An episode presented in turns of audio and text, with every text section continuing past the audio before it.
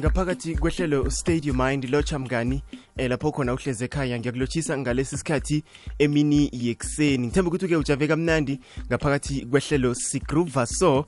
Eh, singena ngaphakathi kwehlelo stadium mind ihlelo zikhulumele lezifundo olithola cobe ngomgcibelo lihlelo lapho sifundisana khona em sibangani ihlelo lulethelwa yi-european union unicef umnyango wefundo sisekelo kunye ne-national corporation trust ngokuhlanganyela neyikwekwezi fm leli-ke lihlelo linqophe ekufundiseni nokukhuthaza abangani bona-ke bafunde incwadi eh khumbule-ke ukuthi-ke sizokudlalela um umgadangiso bese-ke ukuthi-ke njengomngani uyalalela uyalalelisise um ihlelo lile european union sef lihlelo lezifundo olethelwa zimfisalo buhle sabc education bambisene nomhatsho ikwekwezi fm sabc education and reaching minds and reaching lives.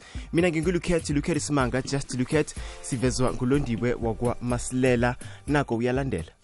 Lotshani onilotshisako ngujabo wakwamashinini ongumfundisi esikoleni samabanga aphasi isindile ngithabela ukunamukela esiqetshaneni esikarisako sanamhlanje esilethelwa yi-european union unicef umnyango wefundo sisekelo i-national education collaboration trust ngokubambisana nomhatsho omkhulu ikwekwezi FM eqetshaneni sanamhlanje sizokhulumisana ngokuthuthukisa ukufunda ungasekho ngekumbeni yokufunda. Ekulumiswaneni yethu sizokhuluma ngesidingo nanyana ngokuhlogeka ukuthuthukisa isiko lokufunda nelokufaka isandla esitshabeni esifundako. Ukungezelela sizobe siveza ilwazi namaqhinga okuthuthukisa ukufunda ungasekho ngekumbeni yokufunda. Njengemfundo ezisuka kwamanye amaphasi iinqhema zokufunda iinkathi zokufunda komndeni ukudlegana ngeencwadi amabulungelo weencwadi womphakathi nokufundela ukuzithabisa. Ukuhlogeka kwenziwa ngcono kwesiko lokufunda. Irhubhululo elenziwa ngomnyaka wenkulungwane ezimbili ichumi nesithandathu lafumana bonyana eSouth Africa amaphesente amachumi alikhomba nesithandathu wabantwana abafunda ebanga lesine. Abakhoni ukufunda ngokuhlathuluka ngelimi lesingisi nofana ngelimi lekhaya. Lokhu kuthiya umsebenzi omningi khulu okuhlogeka bonyana wenziwe botitshere ababelethi kuye nomphakathi. Ukusiza abantwana ukwenza ngcono ikhono labo lokufunda. Umsebenzi lo usengakaqedwa. Ukufunda ukufunda ngaphakathi esikolweni. Kuqakatheke njengalokhu na ufunda ngaphandle kwesikolo. Ukufunda kunokuzuza okuningi empilweni njengokwakha ilwazi magama lomntwana ukwenza ngcono ilwazi elivamileko imizindlo nokuzitlamela nokwenza ngcono ngokupheleleko ukusetshenziswa kwelimi. Sihloga bonyana kuhlale kunjalo ukusebenzisa ukwakha isiko lokufunda nethando lencwadi ebantwaneni besewula afrika ukusiza ukuqeda isikhathi sobudisi sokufunda. Lokhu nasenza ngcono izinga lethu lokufunda nokuhlola ebantwaneni bethu abancane sikhiqiza abantu abadala bangomuso abakwazi ukufunda nokuhlola abazokwazi ukusiza ekukhuliseni umphakathi wangekhethu. Imfundo esingazifunda kezinye iinarha.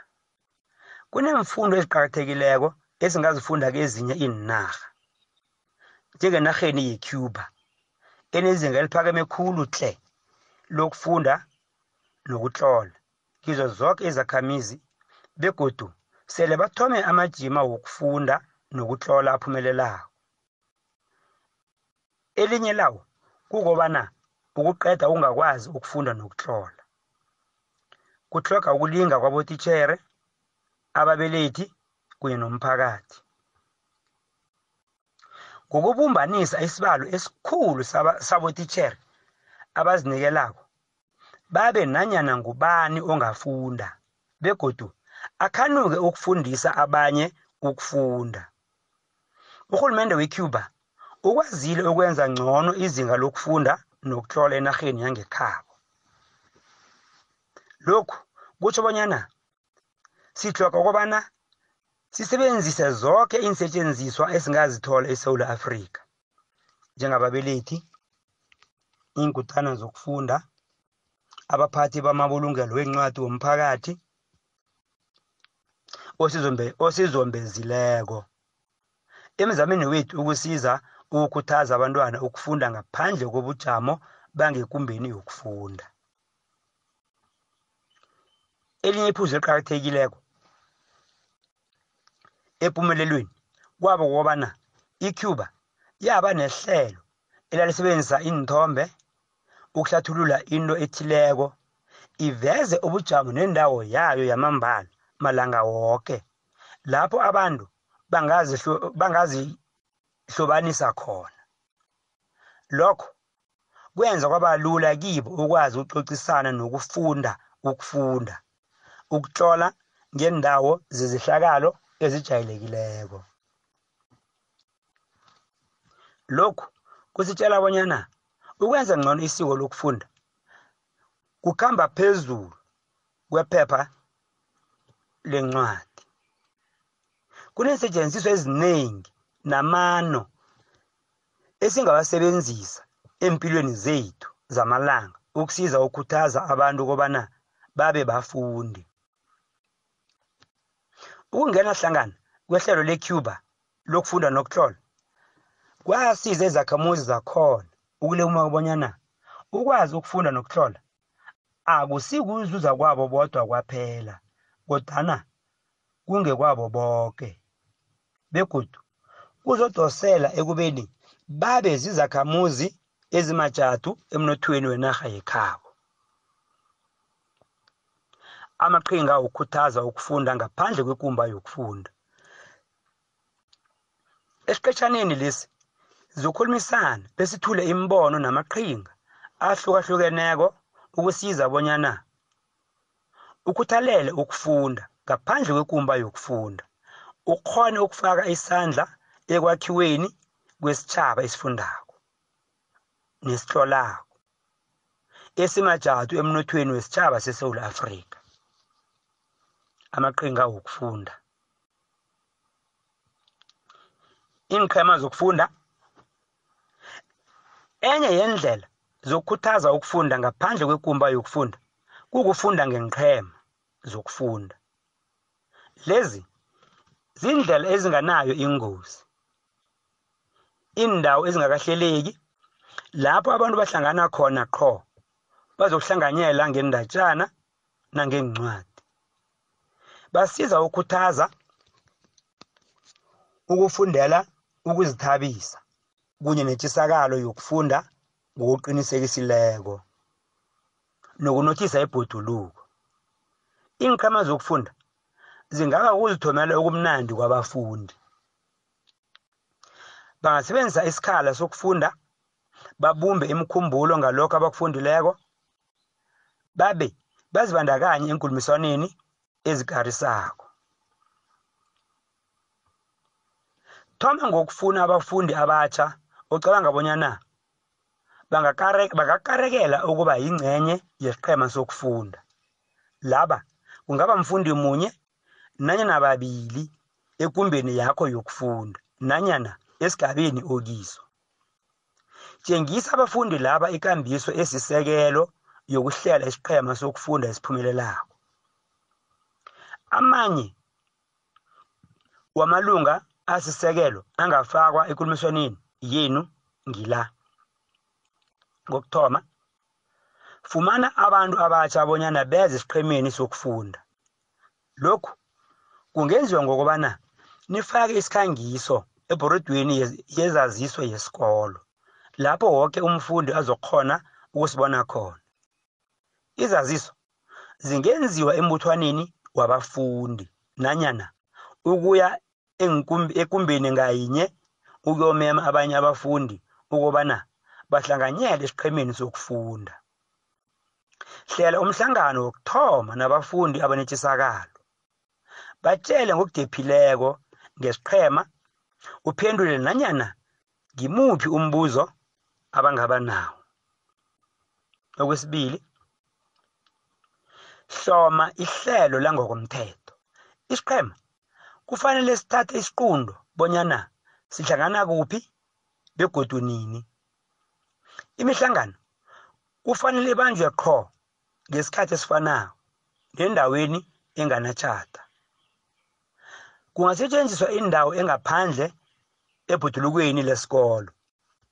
Ibulungelo lencwadi lesikolo ikumba yokufunda enganalitho nanyana ibulungelo lencwadi lomphakathi. Kwesithathu khethani okuzokufundwa. Isiqhema kufanele sikhethe incwadi nanyana amagama okuhloliweko azokufundwa. Singathola incwadi ebulungelweni lencwadi lendawo leyo nanyana ebulungelweni lekumba yokufunda.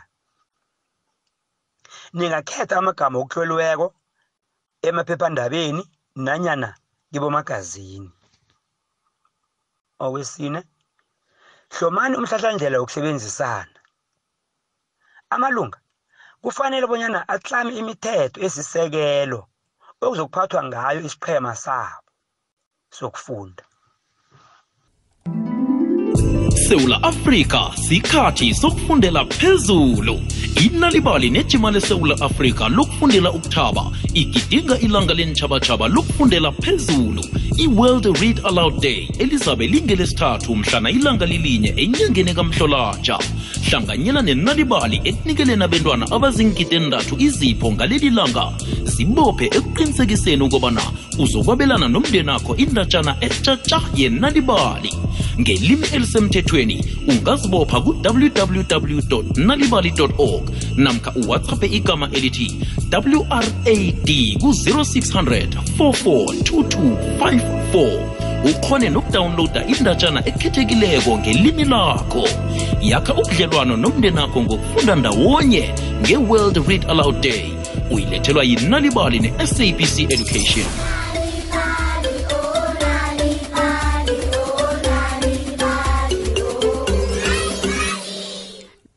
siyakhamba isikhathi lisumi imzuzu nemzuzu emithathu ngaphambi kokuthi kubethe isimbi yesumi nambili. Ngaphakathi kwehlelo stadium mind ihlelo zikhulumele. Isimbi yethoba eh ya ngaphakathi koku- ngaphambi kokuthi kubethe isimbi yesumi 13 minutes eseleko. Khumbule ukuthi-ke sisaragela phambili eh ukudlalela imigadangiso yethu. Khumbulela ukuthi-ke kukhuthazwa eh ukufunda kwencwadi eh lijima-ke leli eh leba- lekwaba unicef. Siragela phambili. Le kungaba imithetho efana njengokufika ngesikhathi ukuhlanganyela ngokuba majadu nokulungela inkulumiswano nokwesihlanu hlamani imibuzo yenkulumiswano isiqhema sokufunda sifanele sicabange ngemibuzo yenkulumiswano lapho amalunga azozibandakanya khona ngemva kokubana bafunde incwadi nanyana amagama okuhloliweko imbonelo zeminye yemibuzo ngilezi. Bewuyini umongo wencwadi le? Ngiliphi ihlangothi olithande khulu encwadini le? Ngiliphi ihlangothi olithande kancane ngabe ibe khona imijubhulo nanyana indima ezikukarileko? Kuba yini? Ungathanda ukufunda enye incwadi yomtloli lo? Njalo njalo. Ukufumana ilwazi ngokubana ningazihloma njani iinqhema zokufunda? Inalibali. Inawo umhlahlandlela otholakala kuwebsayithi yabo ethi www nalibali org. Iinkathi zokufunda komndeni ababelethi nabafundi bayafundelana. Ukungezelela ekuhlonyweni kweenqhema zokufunda. Iinkathi zokufunda komndeni zilihlangothi eqakatheke khulu ekukhuthazeni ukufunda ngaphandle kwekumba yokufunda. Kuhlogeka bonyana bonke ababelethi badlale indima yabo ekuqinisekiseni bonyana abantwana babo banomleyo oqinileko ekhonweni lokufunda nokutlola begodu babe netjisakalo yokufunda ukufunda. Lokhu ababelethi emakhaya nabafundela abantwana begodu bafunda nabo. Babafundisa bonyana ukufunda kuqakathekile kulisizo begodu kuyinto ethabisako. Lokhu kusiza ukwenza ukufunda ukufunda nokutlola okuthuthukako kube lula begodu kube lithabo ebantwaneni. Kuhlogeka bonyana ababelethi babe neenkhathi ezinqophileko ezinikelwa ukufunda emakhaya wabo. Ngokwenza ukufunda umsebenzi wangamalanga ababelethi bathumela umlayezo oqakathekileko ukobana ukufunda kuyinto efaneleko begodu sifanele ukuyenza soke. Nanoma kaningi iimpilo zababelethi zimatasatasa ukuthola isikhathi sokufunda kungaba budisi. Ubuhle bokwenza ihlelo lomsebenzi kaningi kukulungele lokhu. Ababelethi kufanele basebenzise isikhathi sokufunda komndeni benza okulandelako. Iphuzu lokuthoma bafunde nabantwana babo. Lokhu kungafaka hlangana ukufundela abantwana basesebancane indatshana nanyana kube bantwana abafundela ababelethi indatshana nanyana abantwana bafundela nebodwa? Phuzu lesibili ukufunda bulingisa. Kungakhuthaza ukufunda butshelela nangokuphandlusela ukujugulula ukuzwakala kwelizwi nephimbo lapho kuqakatheke khona. Nokuyelela amathwayo anjengabonobuza imbabazo nabongqi phuzu lesithathu ekungelokugcina ukuzibandakanya enkulumiswaneni ngalokho ebekufundwa. Lokhu kungafaka hlangana ukukhuluma ngalokho abantwana abakuthabele khulu mayelana nendatshana abangakuthabeli nanyana lokho abakufundileko endatshaneni lokhu ukufunda kulihlangothi elithabisako empilweni yangamalanga abantwana bazokuthuthukisa umukhwa owakhako ekufundeni. Izehlakalo zokufunda nokugidinga. Ukugidinga nezehlakalo zokufunda yindlela ekulu yokwandisa ikareko lokufunda emntwaneni. Khulumisanani nababelethi ngamaphaliswano azokuba sesikolweni begodu nibasize ukukhuthaza abantwana babo ukuwangenela. Ngesinye isikhathi amaphephandaba wendawo ayaba namaphaliswano wokufunda nokutlola okungatshelwana ngawo nababelethi nabantwana. Kungaba nezehlakalo zokufunda endaweni ezinjengomnyanya wencwadi nanyana ukwathiwa kwencwadi kesinye isikhathi iintolo zencwadi ziyaba neminyanya yokuhloma iincwadi ezitsha ezibawa abantwana bonyana bayingenele. Lapho abatloli bafundela iincwadi phezulu bazibandakanya enkulumiswaneni nasekuphendulweni kwemibuzo. Nje ukuhlonywa kwencwadi kwenza ungasimthetho. Ngalokho bangasiza abantwana ukukhona ukufumana ilwazi leli kibomaliledinini. Nangabe abakhoni ukuyabona ngokwabo. Iminyanya ekhethekileko le iyindlela ekulu yokwenza bonyana abantwana bazithole bathabela iincwadi nokufunda. Ukuhlekana ngeencwadi. Ukuhlekana ngeencwadi kuyindlela ehle yokugegisa iincwadi nendatshana. La kula woke umuntu akhuthazwa khona ukuletha incwadi nokuhlekana nabanye.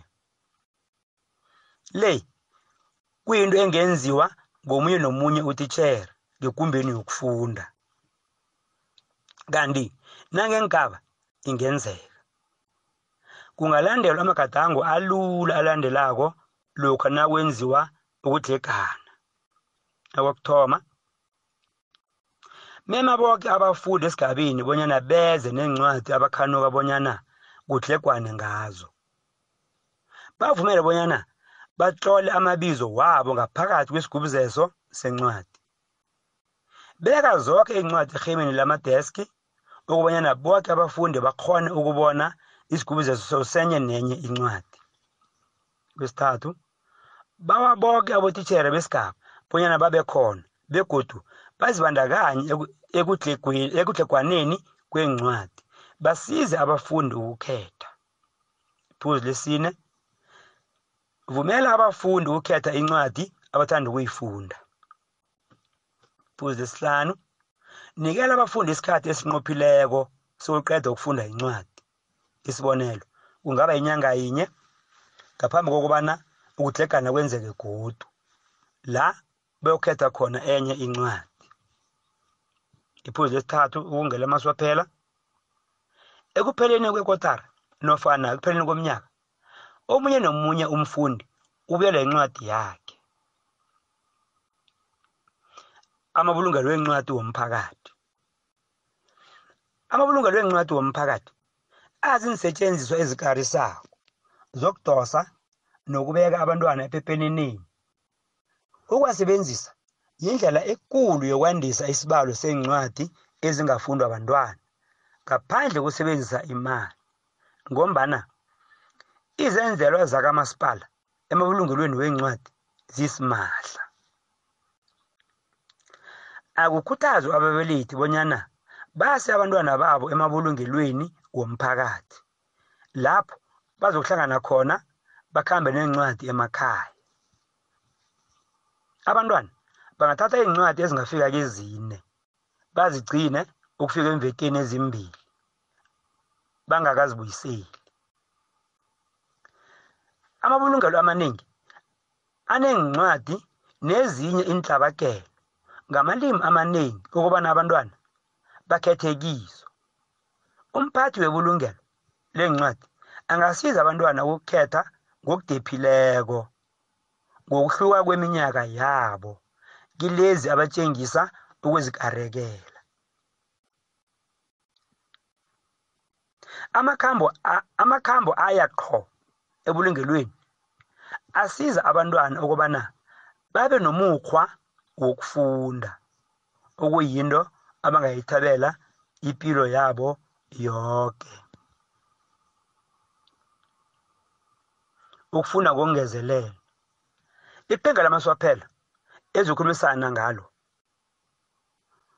kukukhuthaza ukufunda ngaphandle kwekumba yokufunda okukufunda okungezelela begodu lithuba lababelethi bonyana bakhuthaze abantwana babo bonyana bafunde.